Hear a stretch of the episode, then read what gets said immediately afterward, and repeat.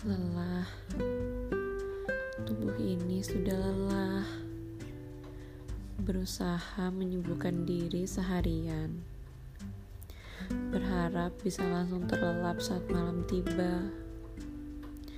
Tapi apa daya, pikiran tidak bisa diajak kerjasama. Selalu saja tiap malam tiba, lagi dan lagi kamu pasti terlintas di pikiranku.